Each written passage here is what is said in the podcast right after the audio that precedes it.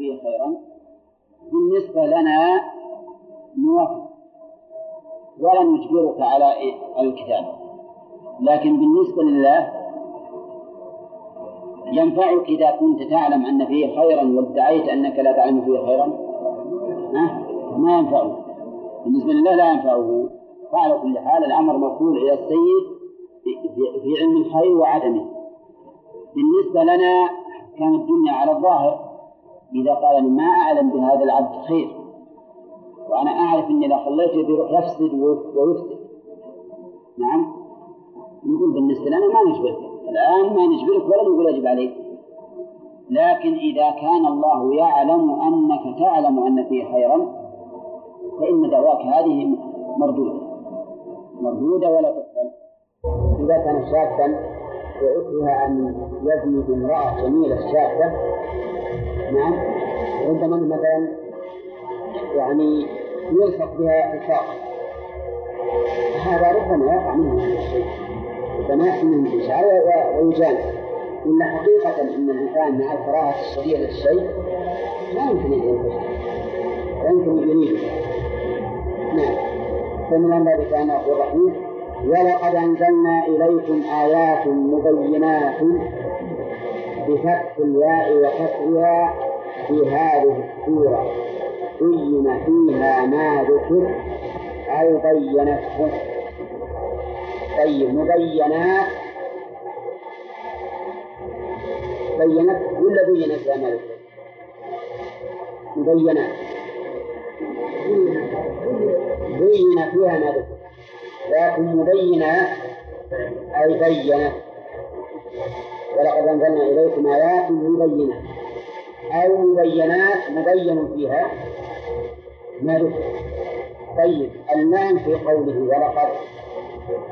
اللام واقعة في جواب القصر وهو للتوكيد. وقد كذلك التوكيد. ولقد. وعليه. فهذه الجملة مؤكدة يا محمد لا. ثلاث نعم. نعم. القسم المقدر قبل لأنه قبلهم. واللام وقد. وإنما أكد الله سبحانه وتعالى هذا بهذه المؤكدات الثلاث للأهمية لأننا إذا علمنا أن هذه آيات مبينة فإن ذلك سوف يستلزم منا الاعتناء بهذه الآيات. وقوله تعالى أنزلنا إليكم آيات ما المراد بالآيات هنا الشرعية ولا الكونية؟ لا الظاهر أنها الشرعية. الظاهر أنها الشرعية لأن الإنزال يتفق معها أكثر مما يتفق مع الكونية. الظاهر أنها الشرعية وهي الوحي. الذي نزل على الرسول صلى الله عليه وسلم. وفي قوله أنزلنا بالوحي إشارة إلى أنه ينزل حقيقة من العلو إلى السفل لأنه ينزل من من الله إلى قلب النبي على قلب النبي صلى الله عليه وسلم. وهو نزول حقيقي. وقد حرفه بعضهم إلى أن المراد بالإنزال الوحي قال أنزلنا يعني أوحينا. وقال إن النزول لا يكون إلا من أعلى ولا يكون إلا في جرم. وقد نزل الإنسان من السطح إلى الأرض. والقرآن ليس كذلك. وهذا لا شك أن الذي يقول هذا الكلام ينكر. وش ينكر؟ علو الله. ينكر علو الله. ولهذا أهل السنة والجماعة من جملة ما استدلوا به على علو الله أن الله أنزل القرآن على النبي. وقالوا يلزم من الإنزال أن يكون المنزل عاليا. نقول منزل عاليا لكن نفسر بالوحي بحجة إن الشيء النازل هو ذو والقرآن ليس ذا جرم وإنما هو قول ينزل فهذا لا شك أنه محرف بكلام الله عز وجل. ونحن نقول إن القرآن ينزل كما قال الله. وإن كلمة ينزل غير كلمة يوحى أو يوحى. بل لها معنى آخر خاص. ثم إنه ما المانع من أن يكون النزول في الأمور المعنوية؟ مثل النزول إذا أضيفت الأمور الحسية فهو في ذات الأجرام وللأمور المعنوية فله معنى آخر.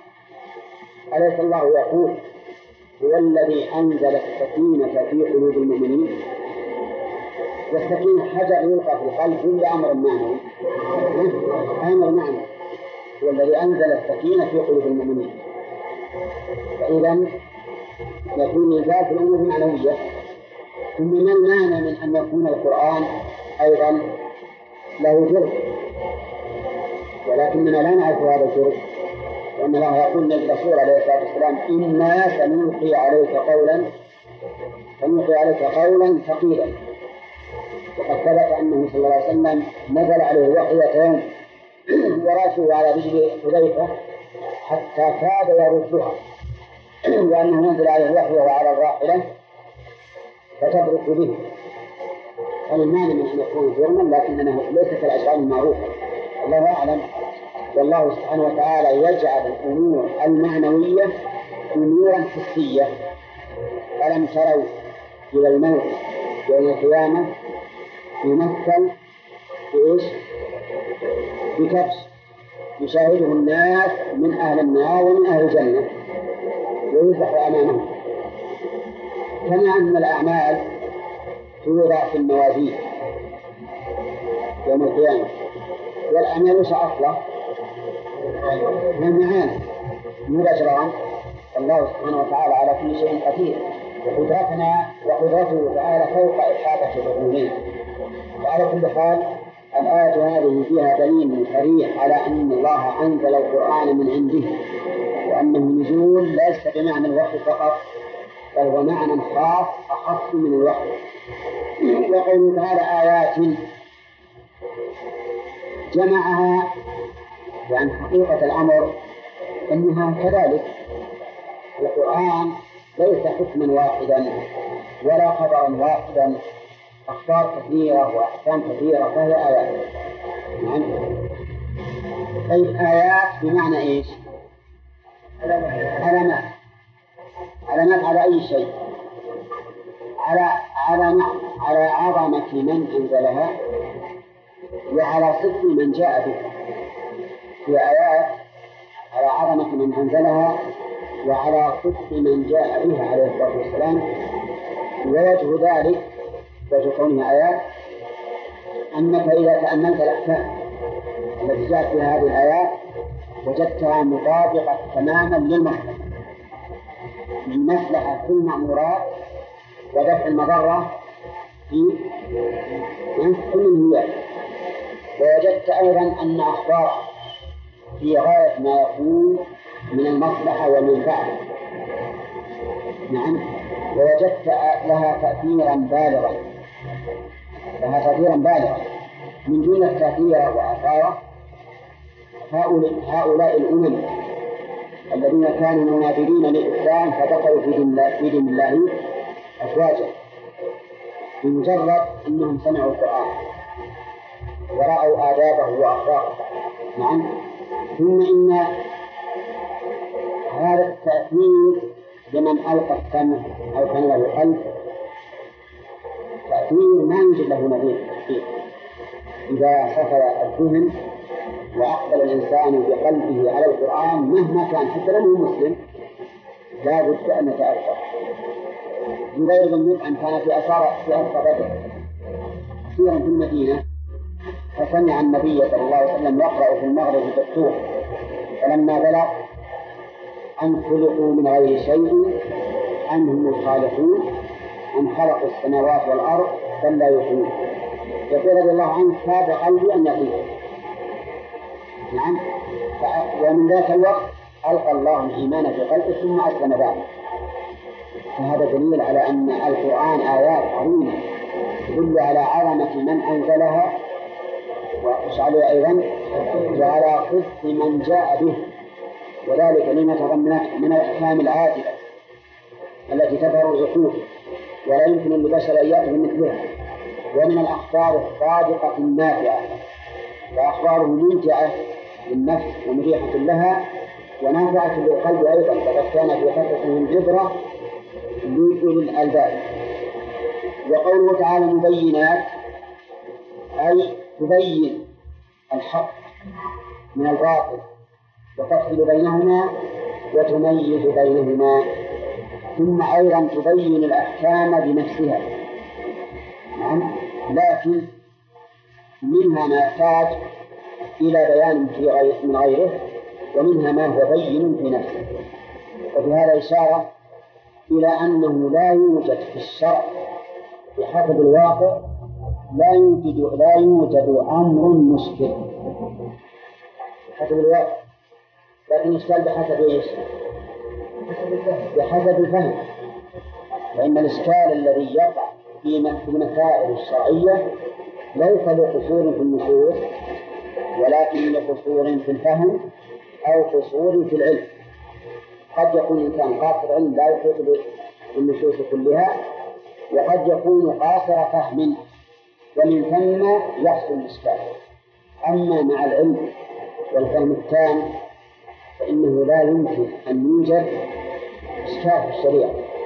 ولذلك تجد تجد أحيانا أحدثكم عن نفسي أحيانا تعرض لي مسألة ويكون حكمها عندي واضح مثل الشرع. ثم في يعني في زمن آخر تأتي نفس المسألة ويكون فيها إشكال نعم؟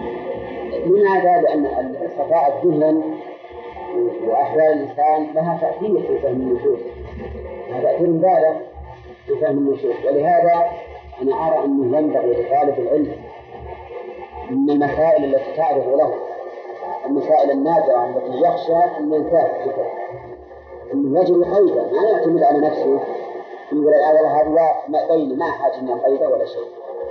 لأنه يمكن يأتي يوم من الأيام يكون ما فتح الله عليك به في الأمس غير موجود الآن غير موجود الآن. إما لتخلف السبب أو لوجود المانع.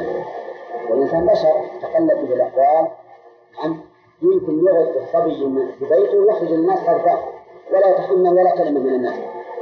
ويمكن يرضى في بيته ويخرج الناس ويتحمل كل كلام منه. الإنسان بشر في جميع أحواله يتقلب ويتغير. على كل حال أنا أعود إلى أن القرآن ولله الحمد مبين مش بعد ومبين أيضا. ولكن الخفاء الذي يحصل للإنسان إنما هو من نفسه لا من حيث الأدلة. وذلك لسد أحد أمرين. ما هما؟ القصور في العلم أو القصور في الفهم. فمن أجل أحد هذين الأمرين يحصل الخفاء في الأحكام الشرعية. أما الآيات التي أنزلها الله فهي آيات مبينة مبينة. ما يبقى فيها أشكال وقد ذكر رحمه الله ابن الشيخ الإسلام تيمية عبارة في العقيدة الواسطية قال من تدبر القرآن غالبا الهدى منه تبين له طريق الحق. قلب الحديث عبارة تكتب بما كما يقول الناس أما إن كان الذهب ما يجوز استعماله مدادا لكن قسم إن هذه عبارة ممتازة من تدبر القرآن طالبا الهدى منه لابد من أمرين. تبين له طريق الحق. فالآيات مبينات وعندنا آيات مبينات مبينات ومبينات قراءتان فتحيتان ومثلا خبرا عجيبا. وهو إيش؟ وهو خبر عائشة رضي الله عنها من الذين خلوا من قبلكم أي من جنس أمثالهم أي أخبارهم العجيب العجيبة كخبر يوسف ومريم. يعني أنزل الله أيضا مثلا من الذين خلوا من قبلكم والظاهر والله أعلم أن المراد بالمثل هنا هو أعم من الواحد. يعني أمثالا مثالا من الذين خلوا وليس هذا خاصا بخبر عائشة رضي الله عنها ومريم ويوسف. بل هو أعم من ذلك لكن المعلق قدره كعادته رحمه الله أنه يقصر الآيات العامة على المعنى حسب السياق. وهذا نقص هذا نقص الحقيقة. صحيح أن السياق قد يقيد المطلق وقد يخصص العام لكن بدليل. أما إذا لم يدل دليل على أن هذا خاص. فالأول عموم فقوله مثلا من الذين خلوا من قبلكم هذا في الحقيقة قد يكون أعم مما ذكر المؤلف. في القرآن إذا أحكام شرعية عبر عنها بالآيات المبينات وأخبار صادقة فيها العبرة عبر عنها بقوله ومثلا من الذين خلوا من قبلكم والله سبحانه وتعالى ضرب لنا أمثالا ممن خلا من قبلنا لا فيما يتعلق بالعفة والصيانة ولا فيما يتعلق بالدين والإيمان والكفر نعم. أفلم يسيروا في الأرض؟ فينظروا كيف كان عاقبة الذين من قبلهم دمر الله عليهم. وبعده وللكافرين أمثالهم.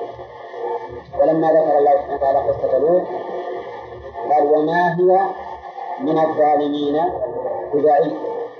الإنسان العاقل يقيس لأن سنة الله واحدة.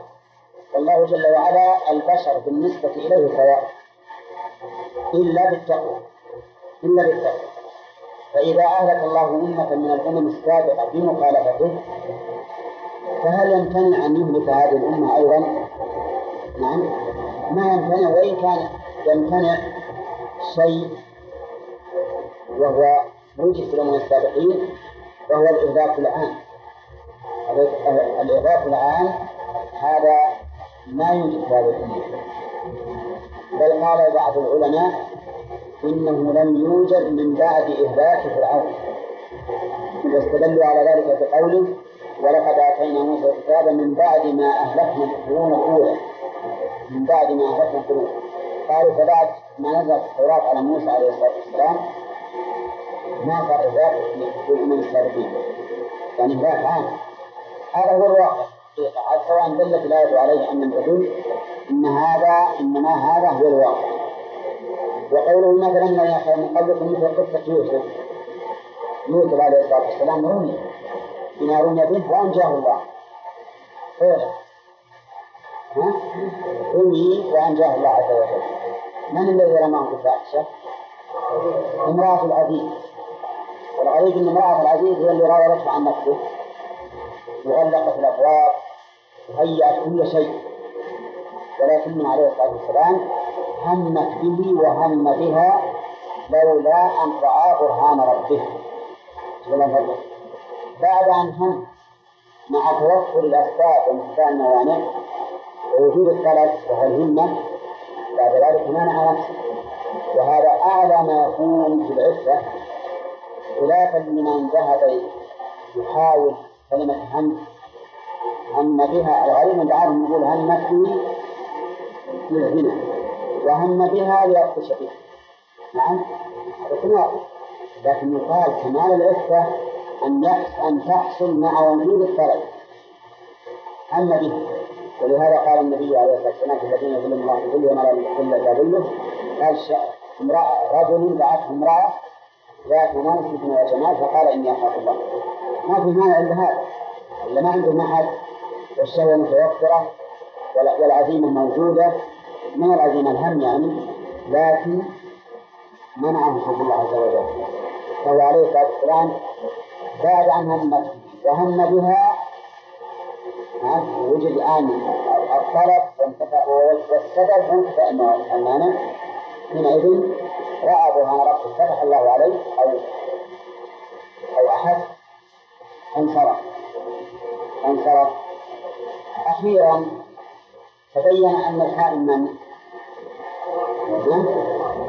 امرأة العزيز. ظهر ذلك علنا حتى أن يوسف عليه الصلاة والسلام من قوة صبره ومن حكمته. لما دعي أن يخرج من السجن قال ارجع إلى ربك. ها؟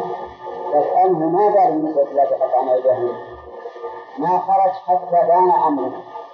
وهذا يعتبر من الصبر العظيم وإلا طبيعة الإنسان مسكين قال يطلع يعني مثل لو حنا كان الحجاج قبل أن نعم لكن هو عليه الصلاة والسلام أبى حتى يكون بريئا تماما وفين هذا اللي حصل؟ بالنسبة لمريم رضي الله عنها نفس الشيء اليهود اتهموها من قال انها زانية؟ وين؟ عرضوا تعريضا عرضوا تعريضا قالوا يا أخت هارون ما كان أبوك امرأ سوء وما كانت أمك بغية. يعني من يجيك البغي؟ الجرع نعم أبوك ليس امرأ سوء وأمك ليست بغية. فمن أين جاءت البغى؟ هذا ما كلام ولهذا اختلف العلماء هل يحد بالقذف إذا عرض أو لا يحد؟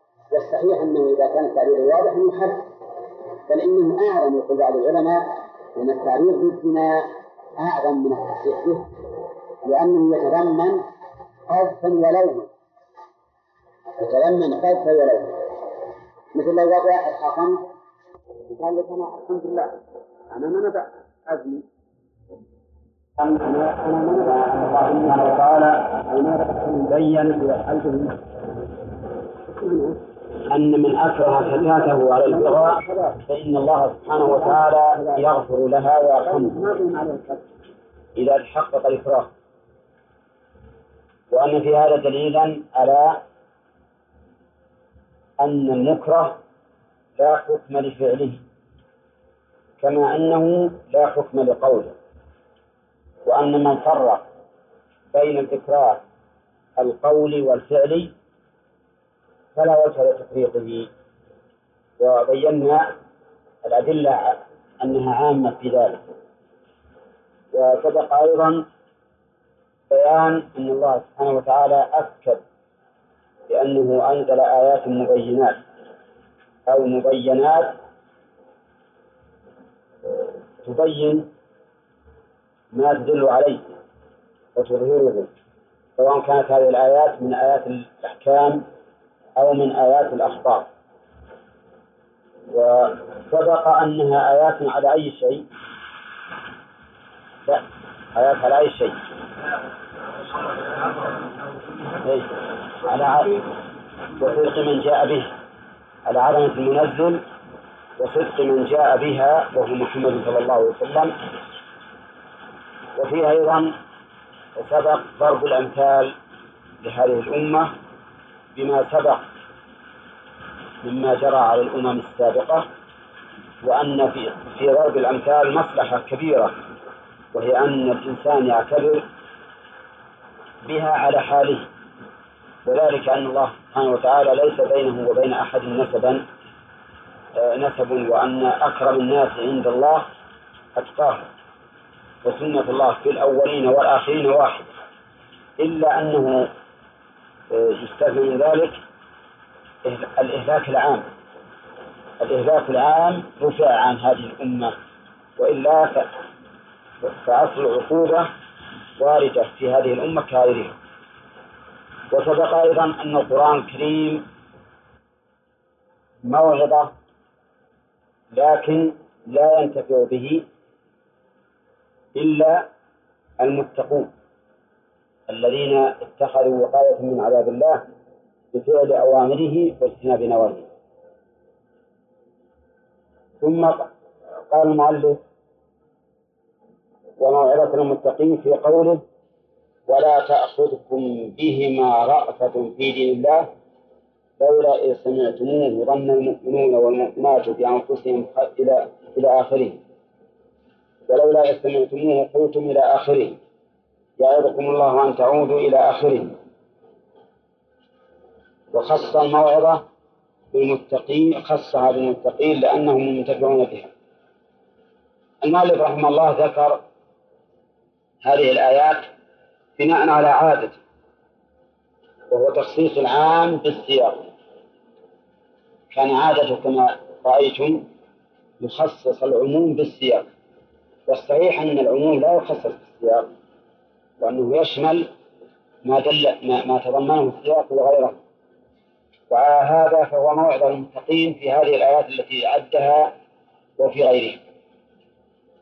ثم قال الله سبحانه ثم قال الله سبحانه وتعالى الله نور السماوات والأرض أي منورهما بالشمس والقمر مثل نوره أي صفته في قلب المؤمن إلى آخره. هذه الآية تضمنت عدة أشياء. أولا قال الله نور السماوات والأرض. فما هذه هذه الجملة؟ هل هي جملة على ظاهرها وحقيقتها أم هي تحتاج إلى تأويل؟ اختلف فيها أهل السنة وغيرهم كالعادة في بقية آيات الصفات. فذهب أهل التأويل إلى أن الآية لها تأويل. واختلف وجعلوا التأويل إما أن أن نور بمعنى منور كما ذهب إليه المؤلف أو أن نور بمعنى ذو نور كما تقول رجل عدل أي ذو عدل. فمعنى نور السماوات؟ أي ذو نور السماوات والأرض أي صاحب نورهما أي الخالق للنور فيهما. وعليه فيعود هذا المعنى إلى المعنى الأول لكن اختلاف في التقدير. وهذا مذهب أهل التحريف الذين يسمون يسمون أهل التأويل والأصح في تسميتهم أهل التحريف. نعم لأن التأويل في الحقيقة منه صحيح ومنه غير صحيح. والأليق بالتأويل غير الصحيح أن يسمى تحريفا. لأنه صرف لللفظ عن مدلوله بدون دليل وهذا هو التحريف حقيقة. أما أهل السنة والجماعة فقالوا إن الآية على حقيقتها وعلى ظاهرها وأن الله سبحانه وتعالى نور السماوات والأرض لكن النور نوعان. نور هو ذات الباري جل وعلا وصفاته وآياته وأحكامه وهذا غير مخلوق ونور آخر حس مخلوق منفصل بائن عن الله. فالنور الذي نراه في الشمس وفي القمر وفي النجوم وفي السرج هذه من أي نوعين؟ من النور الحسي المخلوق. كذا ثم النور المخلوق منه أيضا حسي ومعنوي. الحسي هذا الذي مثلنا به. والمعنوي ما ذكره الله تعالى بقوله مثل نوره كمشكاة إلى آخره. إذا أهل السنة والجماعة يقولون إن الله تعالى نور السماوات والأرض فهو نور بذاته وكذلك أيضا صفاته وكذلك آياته. سماها الله تعالى نورا وأنزلنا إليكم نورا مبينا فهو سبحانه وتعالى نور. لكن أهل التحريف لما ظنوا أن النور هو مادة الإضاءة أو الإضاءة أو الضوء نفسه. قالوا هذا عرض يزول والله سبحانه وتعالى منزه عن العرض أو هذا جسم يعني قابل للإضاءة والله تعالى منزه عن الجسم على حد تعبيره وقواعده. لكننا نقول ما الذي يوجب لنا أن نعدل بل ما الذي يسوغ لنا أن نعدل بالآية عن ظاهرها ولا نقول الله نور السماوات والأرض. وقد قال النبي صلى الله عليه وسلم أعوذ بنور وجهك الذي أشرقت له الظلمات. فأثبت لوجهه نورا.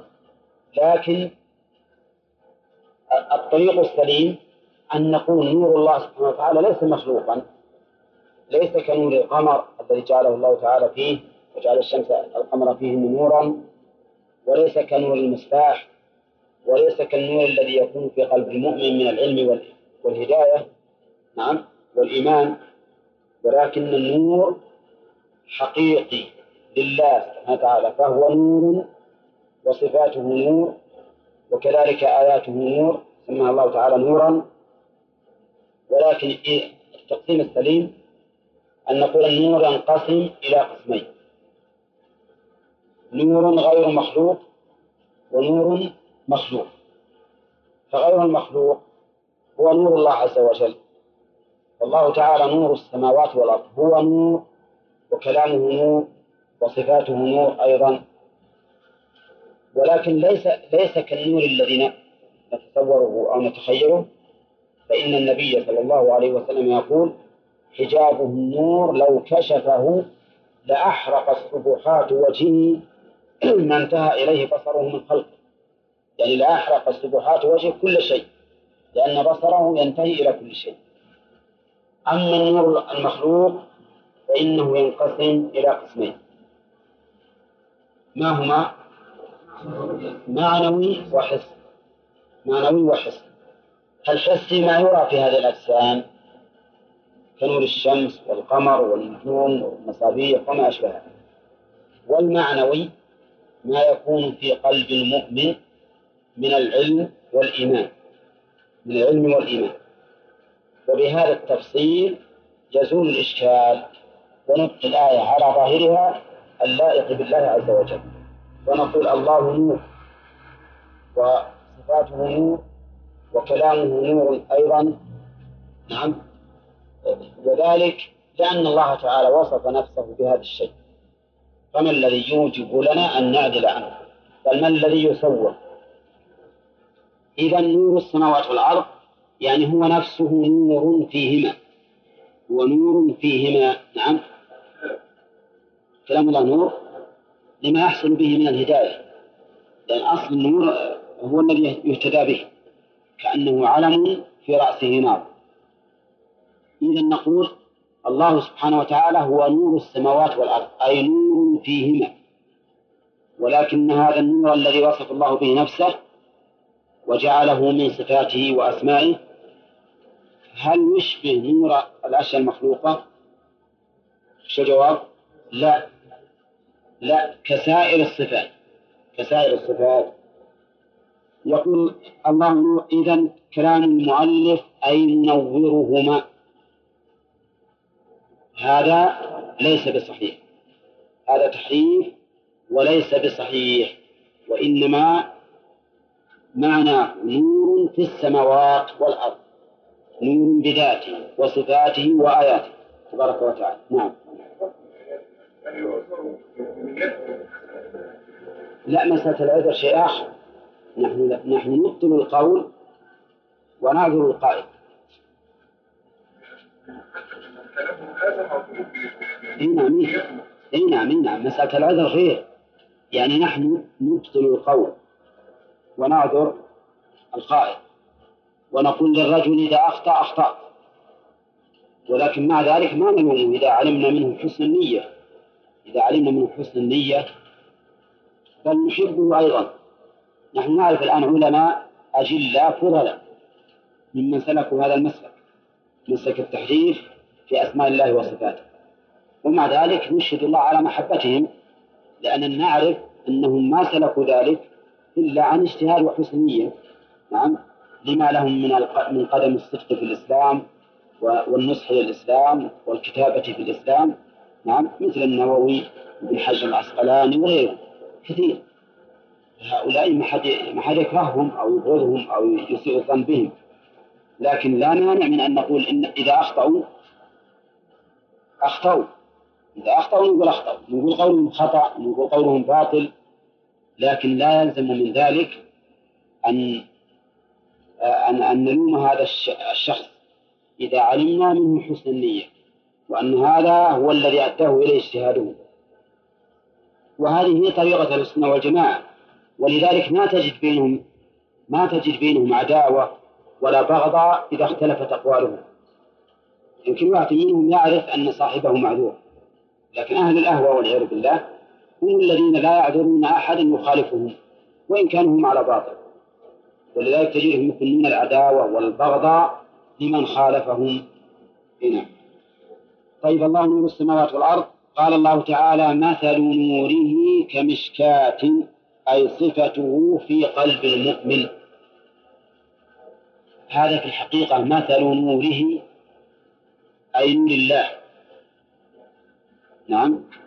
مثل نوره أي مثل نور الله كمشكاة. المؤلف رحمه الله قال في قلب المؤمن. في قلب المؤمن كمشكاة إلى آخره. لماذا لا نجعل مثل نوره الذي هو نور ذاته؟ وصفته يعني ما الذي أوجب لنا أن نؤول؟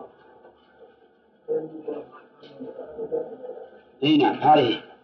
لأن الله لا مثل له. ما يمكن أن نمثل نوره الذي هو صفته بشيء من المخلوقات. فإن الله سبحانه وتعالى ليس كمثله شيء. إذا فلا بد من التأويل. لا بد من التأويل. وفي الحقيقة إذا قال قائل ألستم تنكرون التأويل؟ نقول لا ننكر التأويل مطلقا بل ننكر التأويل الذي لا دليل عليه. أما ما يقتضيه العقل فإنه أمر معلوم. لأن حتى الآن عقلا هل يمكن أن عقلك يصدق أن نور الله بهذا الحجم؟ كمشكاة فيها مصباح نعم أبدا. حتى العقل يمنع هذا. حتى العقل يمنع هذا. إذا كان العقل يمنع هذا فالتأويل لا بد منه. يقول الله عز وجل في ريحات تدمر كل شيء بأمر ربه عقلا ما دمرت السماوات ولا دمرت الأرض وإنما دمرت كل شيء ينتفعون به. بدليل قوله فأصبحوا لا يرى إلا مساكنهم. على كل حال هنا نقول مثل نوره أي مثل نوره الذي يضعه في قلب المؤمن الذي يضعه في قلب المؤمن. وبعضهم يقول مثل نوره الذي يهدي به مثل نوره الذي يهدي به. ويرى أن هذا من باب التقريب المعنوي بالحسي. ويقول مثلا القرآن نور مثل هذا النور كمشكاة إلى آخره. لكن الأسلم ما ذهب إليه المؤلف. أن المراد بالنور هنا النور الذي يضعه الله تعالى في قلب المؤمن. نعم. مثل نوره كمشكاة فيها مصباح وش المشكاة؟ المشكاة الكوة اللي يسمونها ناس الروزنة ها؟ هذه المشكاة فيها مصباح سراج. طيب المصباح في زجاجة هي القنديل والمصباح السراج أي الفتيلة الموقودة والمشكاة الطاقة غير النافذة أي أي إيش؟ أي الأنبوبة في القنديل إلى آخره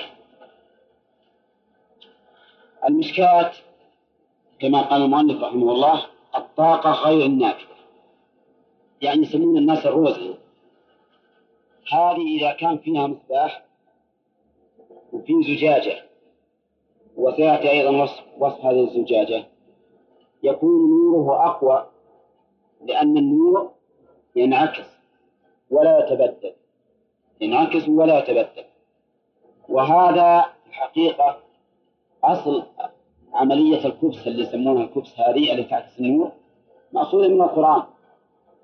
مأخوذة من القرآن لأن هذه المشكاة هي في الحقيقة نظرية الكبس يقول الزجاجة كأنها أي أي النور فيها. كأنها أي نعم والنور فيها. كوكب دري أي مضيء بكسر الدال وضمها من من الدر من الدرء من الدرء بمعنى الدفع. بمعنى الدفع لدرئه الظلام. بمعنى الدفع لدرئه الظلام. بمعنى الدفع لدرئه الظلام.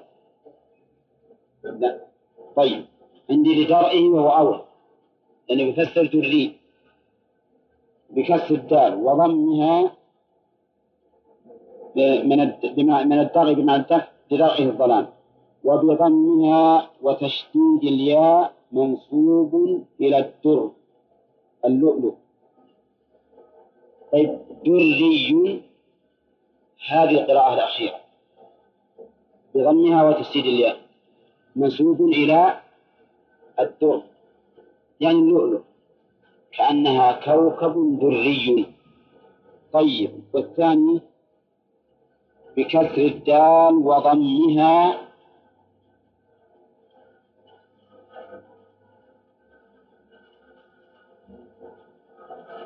دريء ما عند ما ذكر الهمزة.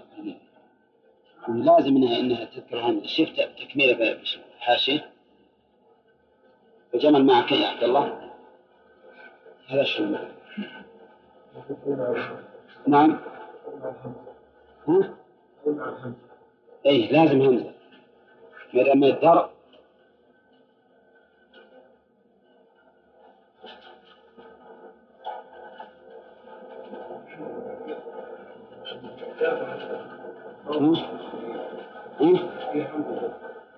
في نص الأصل. ما عندي حمد الأصل.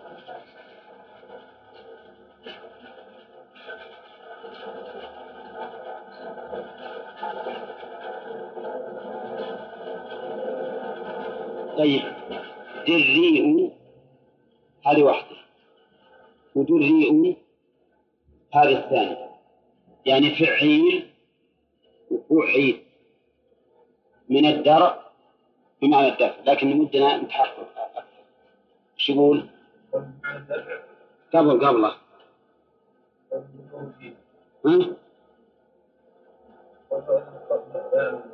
طيب. المفادة. طيب.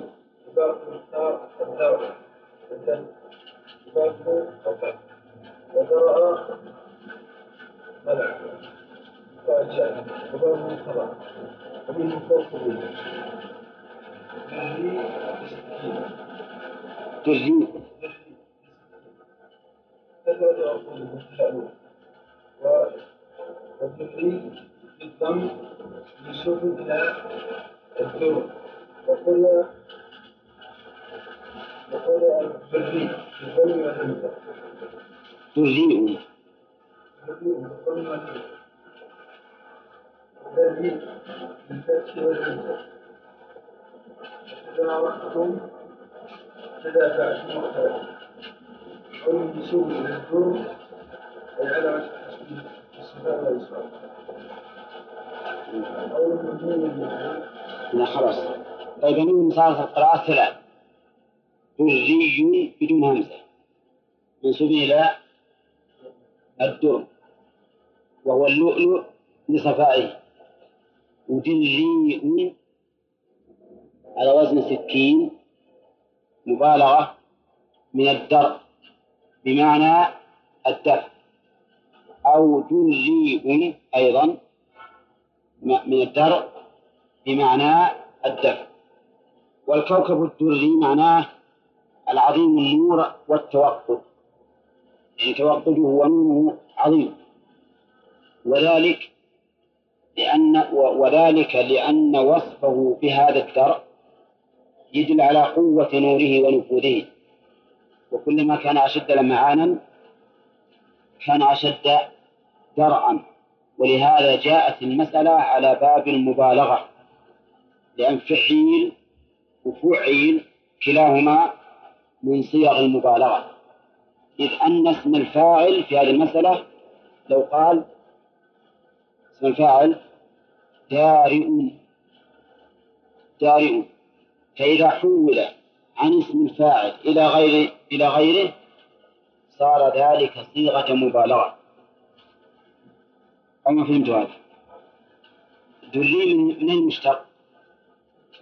من الدر طيب درع يدرع فهو دارئ هذا اسم الفاعل. لكن جاءت المسألة على وزن فعيل وفعيل. لماذا؟ للمبالغة. جاءت للمبالغة. لأن كل مشتق بمعنى اسم الفاعل إذا عدل به عنه يدل على أحد أمرين إما المبالغة وإما الصفة المشبهة. إما المبالغة وإما الصفة المشبهة. فهنا المبالغة يعني لكونه بقوة توقده وقوة ضوئه يكون دريئا أي يدرأ الظلام بقوة نفوذه. وطبعا ما يمكن يدرأ الظلام بقوة نفوذه إلا وهو عظيم التوقد وعظيم النور. لأنك لو جبت مثلا سراج أو لمبة صغيرة هل تدرأ الظلام؟ ما تدرأ إلا درعا بسيطا فيما حولها. لكن لو جبت لمبة كبيرة وعظيمة تدرأ الظلام بقوة ولذلك يكون ما حولها منيرا جدا. وكذلك أيضا أوسع وأبعد. في القراءة الثانية دري وش نسبة الله؟ للدر وهو اللؤلؤ لصفائه لصفائه. يعني ما في مثلا قتم يحول بيننا وبين هذا الكوكب إنما هو صافي جدا مثل الدر طيب هاتان القراءتان أظنه سبق لنا إشارة إلى أن القراءتين يكون من فوائدهما سعة المعنى. يكون من فوائدهما أحيانا سعة المعنى. يعني اختلاف القراءتين قد يكون له له مصلحة له فائدة عظيمة. منها مثلا التفسير كقوله فتثبتوا فتبينوا ومنها أيضا هذه ومنها توسيع المعنى. كمثل دريء أو دريء ودري وش اللي وسعت المعنى؟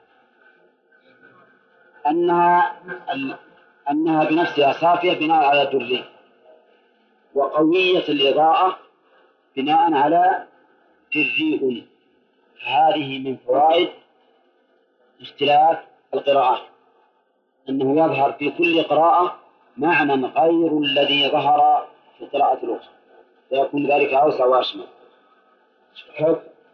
نعم لا الظاهر من من سبعية ما ذكرها المؤلف. ذكره قرئ مو بسبعية قال توقد المصباح. توقد المصباح بالماضي وفي قراءة بمضارع أوقد مبنيا للمفعول بالتحتانية.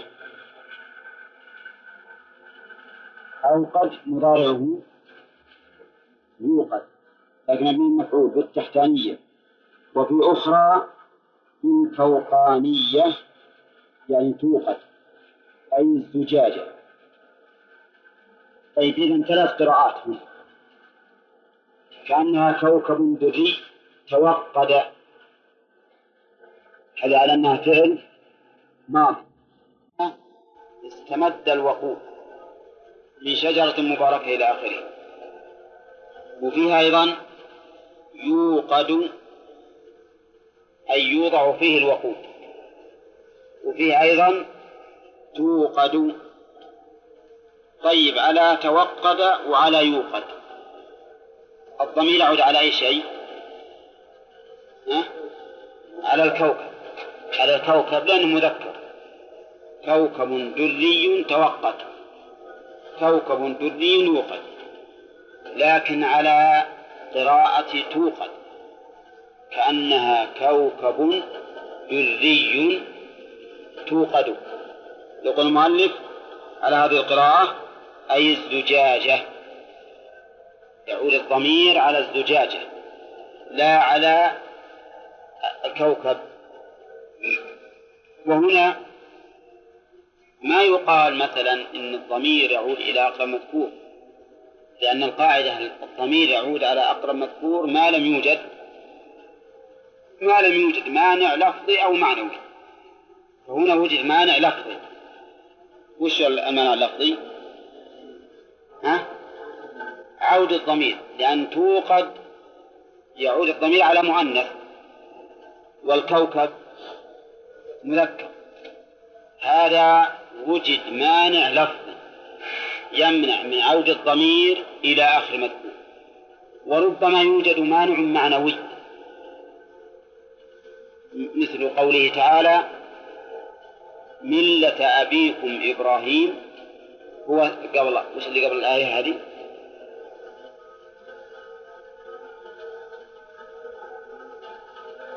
وجاهدوا في الله حق جهاده. هو اجتباكم هو أي الله اجتباكم وما جعل عليكم في الدين من حرج. ملة أبيكم إبراهيم هو سماكم المسلمين من قبل.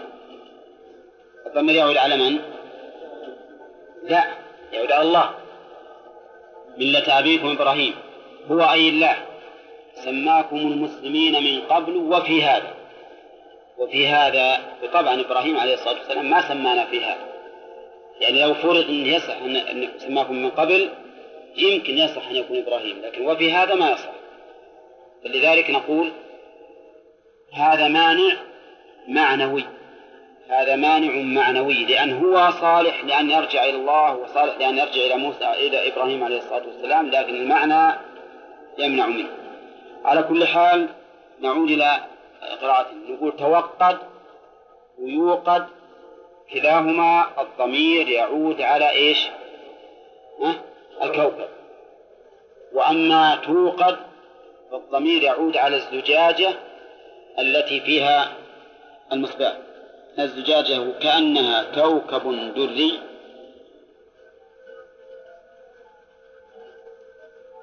من شجرة من زيت شجرة مباركة. لا شرقية ولا مبارك زيتونة.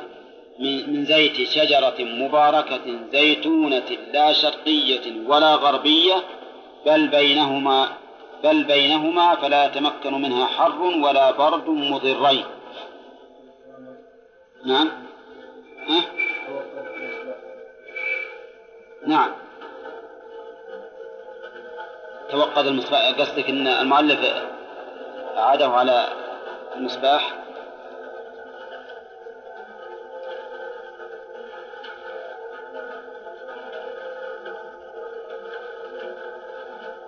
إي نعم. لا هو يعود على المصباح لا شك. يعود على المصباح. إحنا قررنا إنه يعود على الكوكب. ولاحظ ان هذا ما يصح تقدير لأن الكوكب مو بيوقد من هذا الشيء. الكوكب مو بيوقد من الشجر. الذي يوقد هو المصباح طيب يقول من شجرة من زيت شجرة كيف كان من من زيت الشجرة؟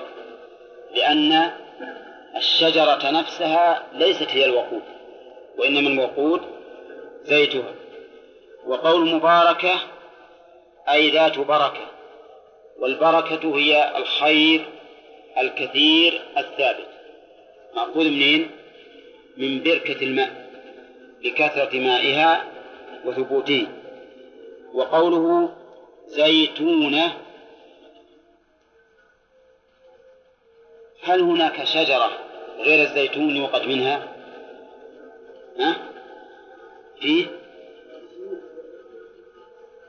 ولكن زيت الزيتون هو أعلاه وأعلاها وأشدها صفاء وأقواها نورا وقول لا شرقية ولا غربية.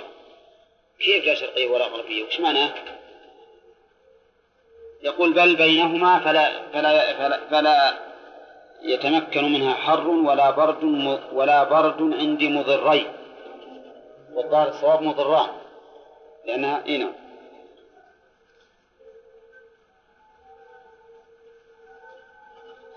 طيب اللي لا شرقية ولا غربية. يقولون معناها أنها في ربوة في ربوة أو جبل. لأنها إذا كانت في منخفض نعم فيه لازم تكون شرقية أو غربية. إن كانت في في المنخفض من جهة الشرق فهي شرقية. شمس آخر النهار لا تصيبه. وإذا كانت من جهة الغرب فهي غربية شمس أول النهار لا تصيب فهي إما في ربوة وذلك أكمل وأبين وإما في مكان مستوٍ في مكان مستوٍ صحراوي. نعم. لكنهم قالوا إنها في ربوة لأنها إذا كانت في ربوة فهي أبين وأعلى وأطيب زيتا. لكنها موصوفة بقول لا شرقية ولا غربية. وفي هذا دليل وإرشاد ينبغي للإنسان إذا وضع الشجر أن لا يضعه في مكان يحتجب عن الشمس شرقا أو غربا. بل ينبغي أن يوضع الشجر في مكان يبرز للشمس شرقا وغربا. يكاد زيتها يضيء ولو لم تمسسه نار لصفائه. يكاد بمعنى يقرب. زيتها أي زيت هذه الشجرة. يضيء أي يحدث إضاءة ولو لم تمسسه نار كيف يمكن يضيء ولو لم تمسسه نار يقول المؤلف لصفائه. فإذا أصابته النار نعم أصله صاف يكاد يضيء. وش صار؟ نور على نور نور به نور به على نور في النار. ونور الله تبارك وتعالى الذي يوجد للمؤمنين. نور ها؟ إيش أي هداه للمؤمنين.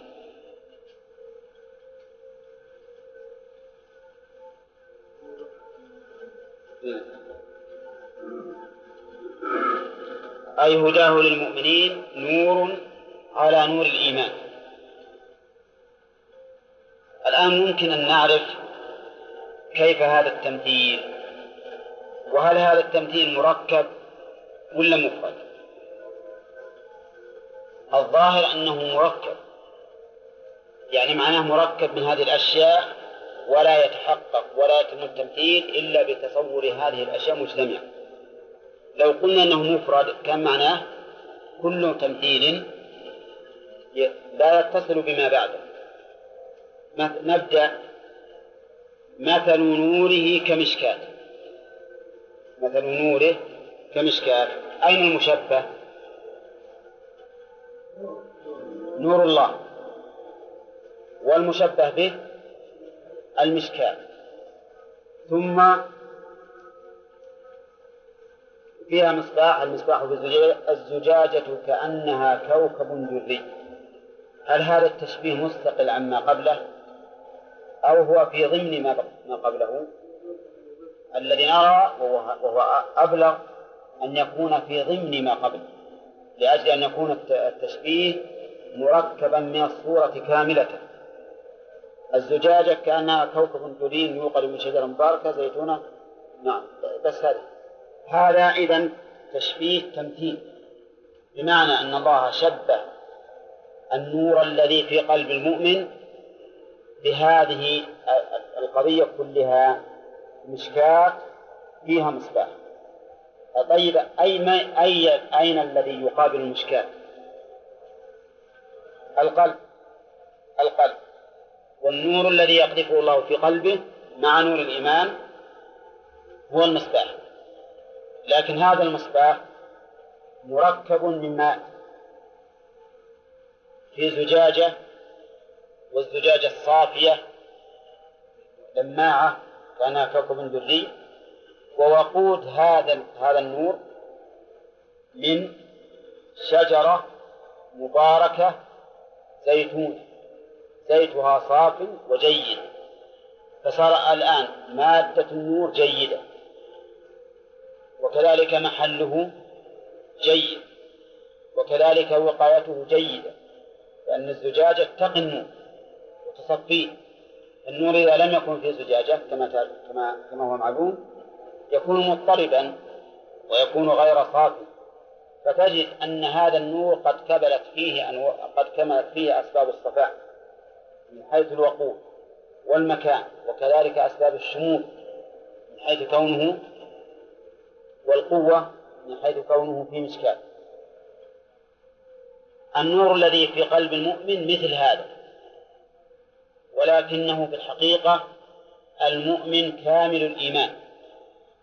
فأما المؤمن ناقص الإيمان فإنه ينقص من نوره بمقدار ما نقص من إيمانه. يعني لا تظنوا أن هذا التشبيه لكل قلب مؤمن. لا بل المراد المؤمن الكامل الإيمان. فإن الله تعالى يجعل في قلبه هذا النور العظيم.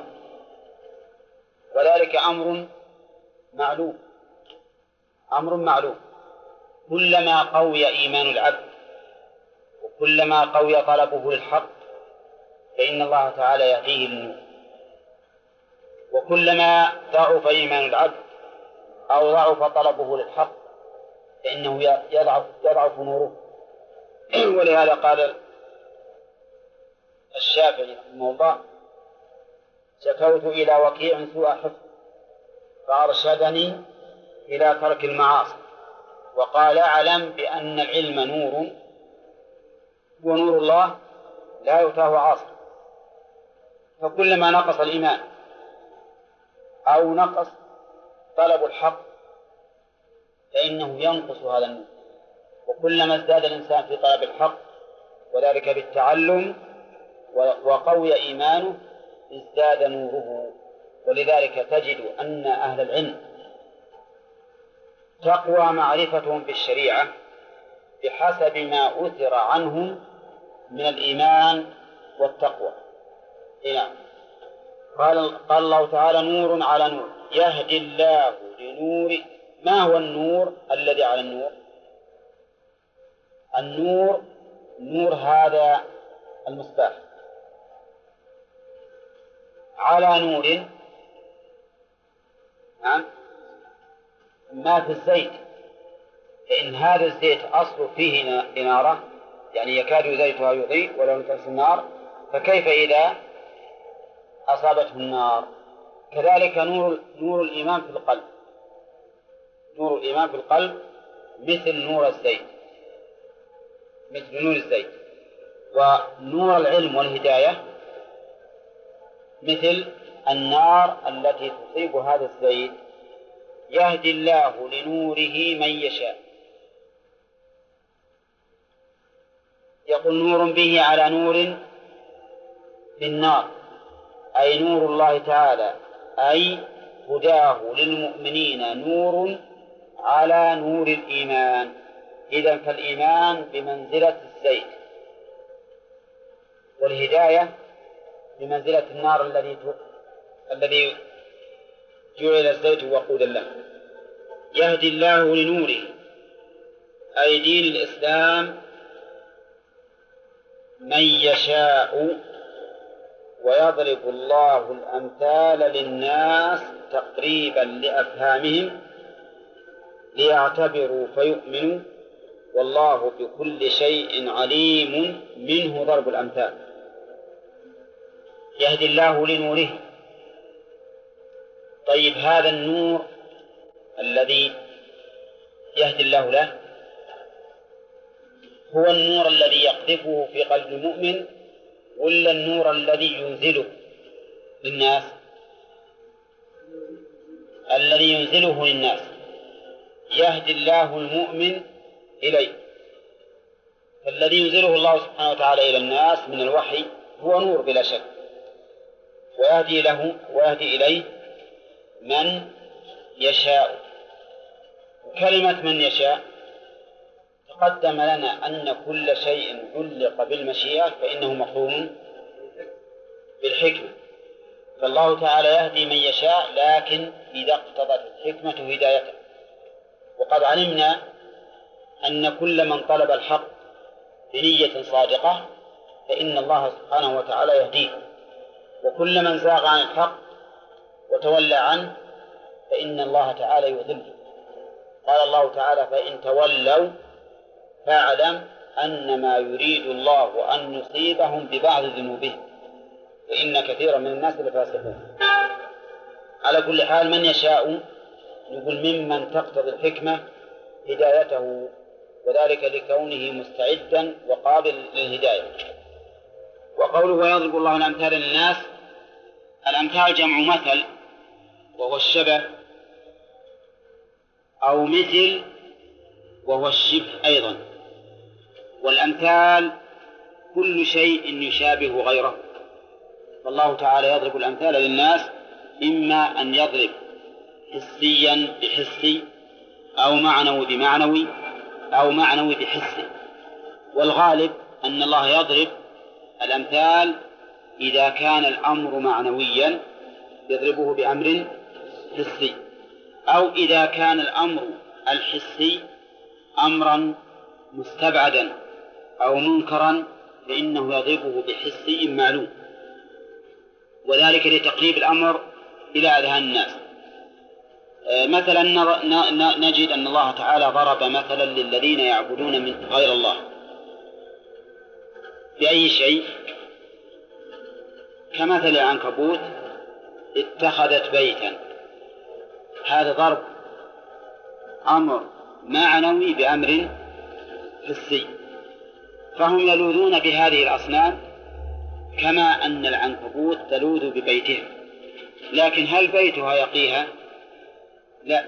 ولهذا قال وإن أوهن البيوت لبيت العنكبوت.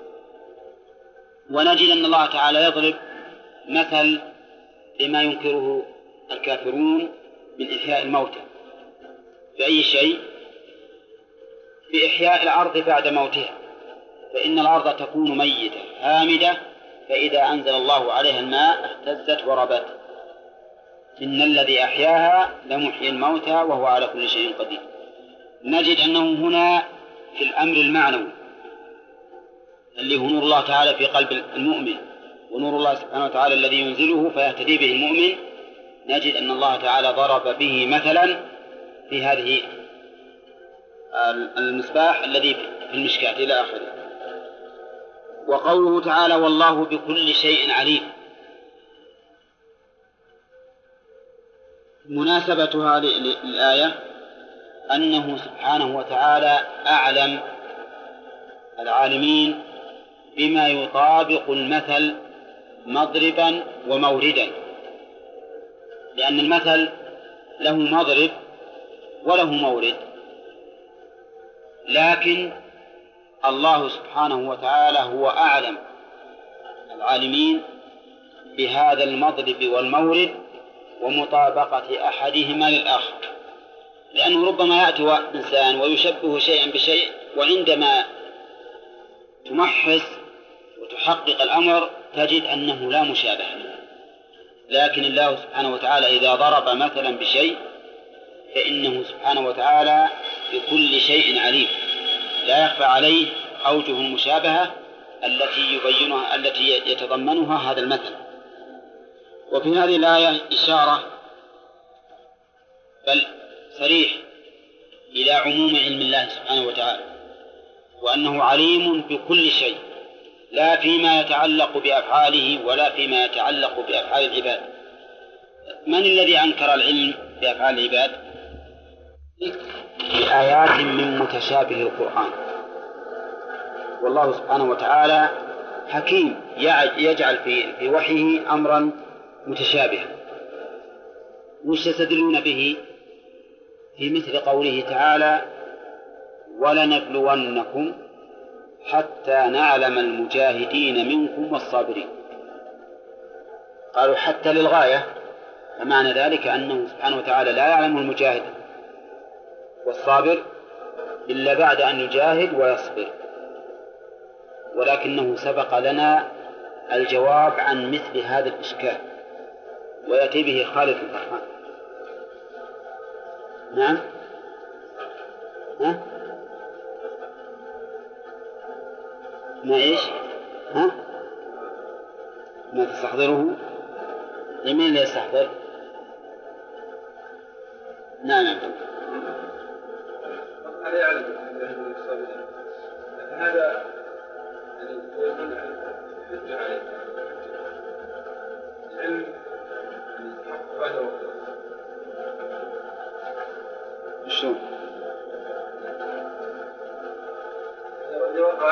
إيه؟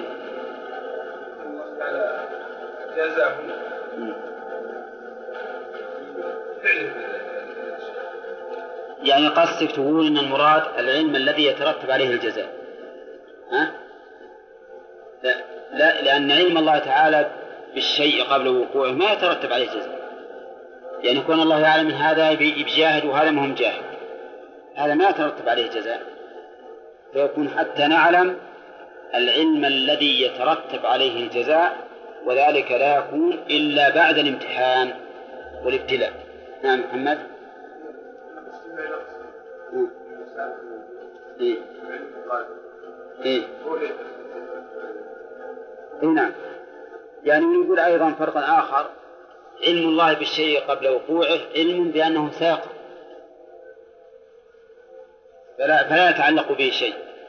وعلمه بعد وقوعه علم بأنه وقع وفرق بين مدرك العلمين الأول علم بأنه سيقع ولا يترتب عليه شيء بالنسبة للمكلف والثاني علم بأنه وقع وهو الذي يترتب عليه ما رتبه الله سبحانه وتعالى بالنسبة للمكلف مفهوم يا جماعة؟ هذا هو ما أجاب به أهل السنة عن مثل عن مثل هذه الآية. نعم.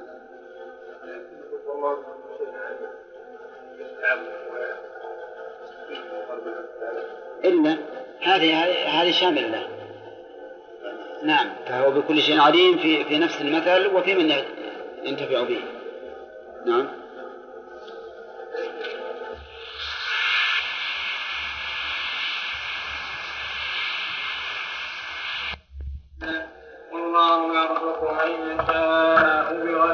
حساب والذين كفروا أعمالهم كسراب بقيعة يحسبه الظمآن ماء حتى إذا جاءه لم يجدوا شيئا ووجد الله عنده فوفاه حسابه والله سريع الحساب. أو كظلمات في بحر لجي يغشاه موت من فوقه موت من فوقه سحاب ظلمات بعضها فوق بعض. إذا أخرج يده لم يكد يراها ومن لم يجعل الله له نورا فما له من أعوذ بالله من الشيطان الرجيم. سبق أن الله سبحانه وتعالى وصف نفسه بأنه نور السماوات والأرض. وبينا على ذلك أن النور قسمان مخلوق وغير مخلوق. فما وصف الله به نفسه وسمى به نفسه من النور فهو غير مخلوق لأن الله سبحانه وتعالى بأسمائه وصفاته هو الخالق وما سواه مخلوق. وأما القسم الثاني وهو النور الحسي آه النور المخلوق فينقسم أيضا إلى قسمين حسي ومعنوي. فما في السماوات والأرض من الأجرام المضيئة هذا حسي. وما في السماء وما, وما لدى الإنسان من الإيمان والعلم هذا معنوي وسبق أن الله سبحانه وتعالى ضرب مثلا لنوره في قلب عبده المؤمن بمصباح كامل. كامل في مادته أي وقوده وفي محله وفي حمايته. في وقوده يوقد منين؟ من شجرة مباركة زيتونة لا شرقية ولا غربية. يكاد زيتها يضيء ولو لم تمسسه نار وفي حمايته ووقايته في زجاجة. الزجاجة كأنها كوكب دري. وفي محله أو موضعه الذي ينعكس فيه النور في إيش؟ في مشكاة.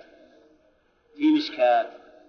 وهذا أعلى ما يكون من الإضاءة لوجود أسبابها كاملة. وهذا أيضا مثل تقريبي. وإلا فنور فنور الإيمان والعلم في قلب المؤمن أشد وأبلغ. لكن تضرب الأشياء المعقولة بالأشياء المحسوسة تقريبا تقريبا فقط. لا تحقيقا ومواساة ومساواة بينهما فرق. ثم بين الله سبحانه وتعالى أنه يضرب الأمثال للناس. الأمثال عن الأشباه والنظائر. فيضرب أحيانا المعقول بالمحسوس وأحيانا يضرب الغائب شوفوا بالحاضر.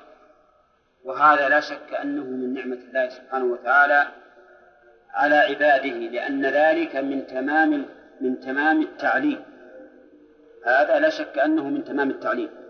وإلا فلو شاء الله سبحانه وتعالى ما ضرب الأمثال للناس ولا ولا تركهم حتى يضلوا. ولكن من تمام رحمته أن أن كان تعليمه على وجه الكمال والتمام. ولذلك يضرب الله الأمثال لأجل أن يستدل الناس بها على ما يريد الله سبحانه وتعالى إثباته له ثم قال الله تعالى في بيوت أذن الله أن ترفع ويذكر فيها اسمه يسبح له فيها بالغدو والآصال إلى آخره. في بيوت متعلق بيسبح يسبح الآتي. إيش معنى متعلق؟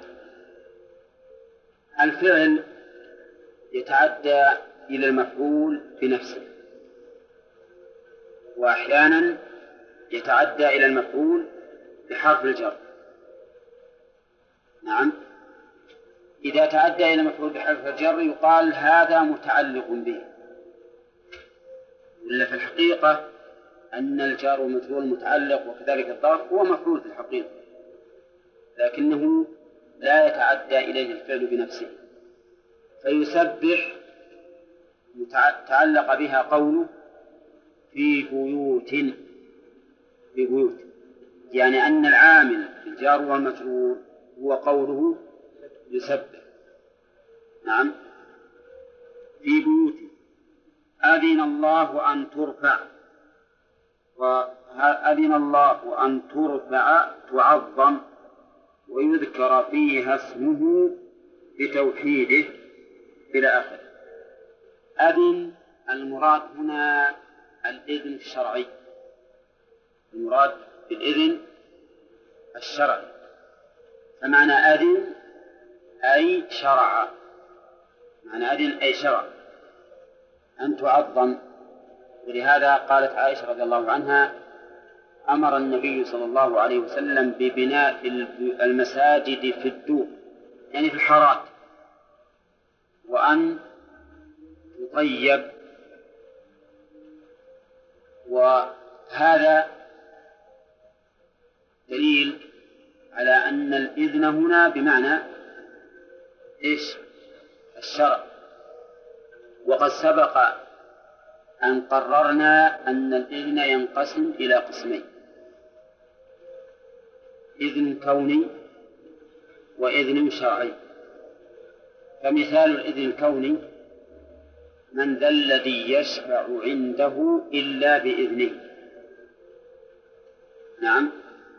ومثال الإذن الشرعي شرعوا لهم من الدين ما لم يأذن به الله هذه ما تصح أن تكون إذن قدر قدري كوني لماذا؟ شرعوا له من الدين ما لم يأذن به الله لا تصح أن تكون إذن كونيا قدريا لماذا؟ لأن الإذن القدري الكوني لم ينتفي. فإنهم شرعوا وما شرعوا إلا بإذن الله كونا وقدرا. فإذا ما لم يأذن به الله أي شرعا.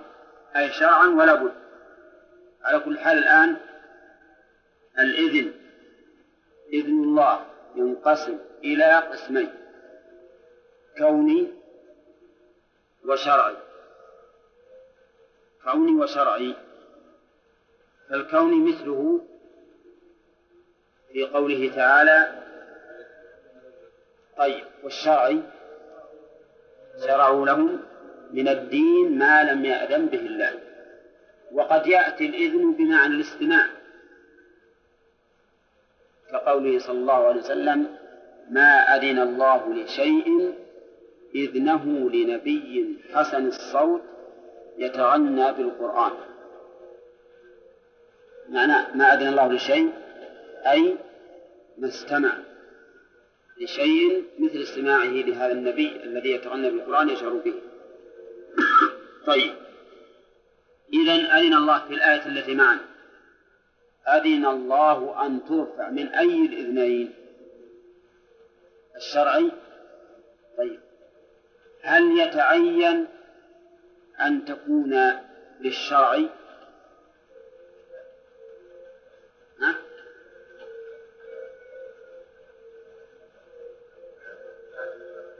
ولماذا؟ طيب وفي بيوت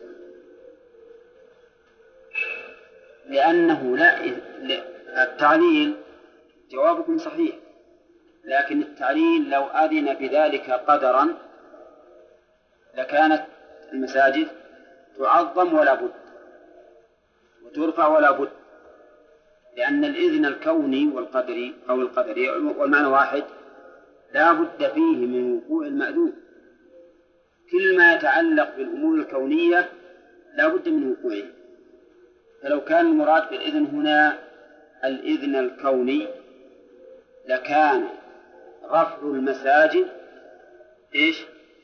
أمرا حتميا مع أننا نجد أن المساجد أحيانا لا لا, ترفع ولا تعظم بل تمنع. ومن أظلم ممن منع مساجد الله أن يذكر فيها اسمه. طيب في بيوت أذن الله أي شرع أن ترفع تعظم وفي الحقيقة أن رفعها أبل يعني أعم من التعظيم. ترفع بالتعظيم وبغيره لكن صحيح أظهر ما يكون بالرفع هو التعظيم. ويذكر فيها اسمه. يذكر فيها اسمه أي اسم الله. والمراد أن الله يذكر بأسمائه. أن الله يذكر بأسمائه لأنه إذا ذكر الاسم ذكر المسمى. إذا ذكر الاسم ذكر المسمى وقوله يذكر فيها اسمه بأي شيء يذكر؟ ها؟ إيه يعني إيه نعم بالقراءة والتس... والتسبيح كما سيأتي أيضا. المهم يذكر فيها اسمه بالثناء والت... والتمجيد. بالثناء والتمجيد. نعم. وهذا يشمل الصلاة وغير الصلاة. ثم قال يسبح له وهذا التنزيه فيكون في الآية إشارة إلى أمرين. إلى إثبات الكمال في قوله يذكر فيها اسمه. وإلى نفي النقص في قوله يسبح له فيها بالغدو إلى آخره. وقوله تعالى آه، ويذكر باسمه يسبح له فيها نعم. يسبح له فيها يسبح بفتح الموحدة وكسرها أي يصلى. طيب. يسبح فيها قراءتان سبعيتان. الفتح والكسر. وسيأتي إن شاء الله تخريج كل منهما فيما بعد. وقوله أن يصلي هذا فيه نظر. إن قصد بذلك حصر التسبيح بالصلاة. وإن قصد بذلك التمثيل فهذا صحيح. فإن قوله يسبح له فيها أعم من كونهم يصلون. بل هم يسبحون الله بالصلاة وغيرها مما يكون به تنزيه الله سبحانه وتعالى. وقوله يسبح له فيها بالغدو. يصلي له أي لله فيها بالغدو. مصدر. مصدر بمعنى الغدوات. أي البكر والآصال العشايا من بعد الزوال. قوله بالغدو والآصال الغدو يقول المؤلف إنها جمع مصدر. غدا يغدو غدوا لكنها بمعنى الجمع. غدو مصدر بمعنى الجمع. بمعنى الغدوات يعني أول النهار. وإنما لجأ المؤلف إلى جعل الغدو بمعنى الغدوات للمطابقة. وش المطابقة؟ والآصال مطابقة والآصال. لأن الآصال جمع أصيل وهو آخر النهار. وهو آخر النهار وقوله هي العشايا العشايا العشايا جمع عشي أيضا ما كان بعد الزوال. وفي حديث أبي هريرة في قصة ذي اليدين قال صلى بنا رسول الله صلى الله عليه وسلم إحدى صلاتي العشي. يقول الراوي عن أبي هريرة طيب أقول الغدو مصدر بمعنى الجمع أي الغدوات والآصال جمع أصيل أي عشايا أي آخر النهار. طيب. وين الصلوات إذا قلنا يسبح بمعنى يصلي؟ وش يكون بالغدو؟ صلاة الفجر. والعشي؟ ها؟ الظهر والعصر. وش يبقى عندنا؟ المغرب والعشاء. وهي مما يصلى في المساجد.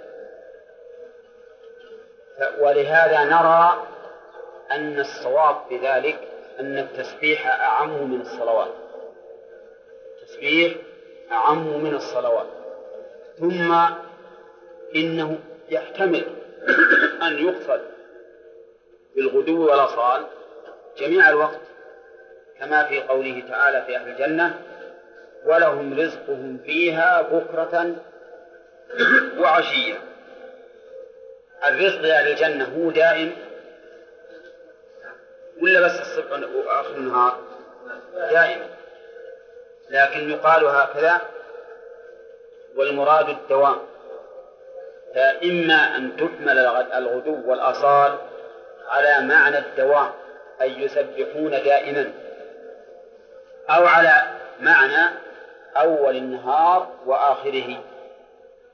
ويكون هذا إشارة للتسبيحات التي تذكر في أول النهار وفي آخره ومنها صلاة الفجر وصلاة العصر.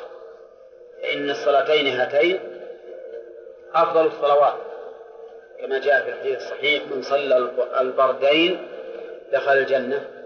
وقال صلى الله عليه وسلم إنكم سترون ربكم كما ترون القمر ليلة البدر لا تضامون في رؤيته فإن استطعتم ألا تغلبوا على صلاة قبل طلوع الشمس وصلاة قبل غروبها فافعلوا إيش يعني؟